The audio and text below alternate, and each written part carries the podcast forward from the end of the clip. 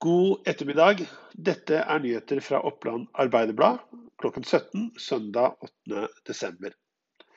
Politiet i Gjøvik rykket sent lørdag kveld ut til en leilighet i sentrum etter at tallerkener og forskjellige gjenstander hadde blitt kastet ut av et vindu i tredje etasje.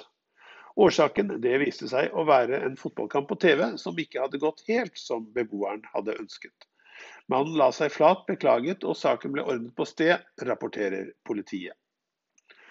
Maren Lundby fra Kolbu vant for andre dag på rad i eh, verdenscupen i Lillehammer. Jeg følte meg bra i dag, jeg gledet meg til konkurranse igjen, sa Lundby etter å ha vunnet nok en gang. Silje Opseth og Anne eh, eh, Odine Strøm var de øvrige norske hopperne på hjemmebane i Lillehammer denne helgen. Ei hel bygd kan ikke ofres for å vinne ett minutt eller to, når det finnes et langt bedre alternativ som står seg de neste 100 åra. Det mener Eina Bondelag. Rv. 4 har fått ny aktualitet etter at Nye Veier har identifisert denne som en av de mest lønnsomme strekningene å utbedre de neste årene, sett i et samfunnsøkonomisk perspektiv.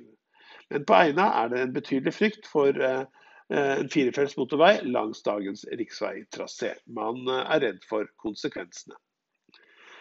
15-20 utleieboliger på klinikkenområdet i Hov har i to-tre år stått utenfor den kommunale renovasjonsordningen.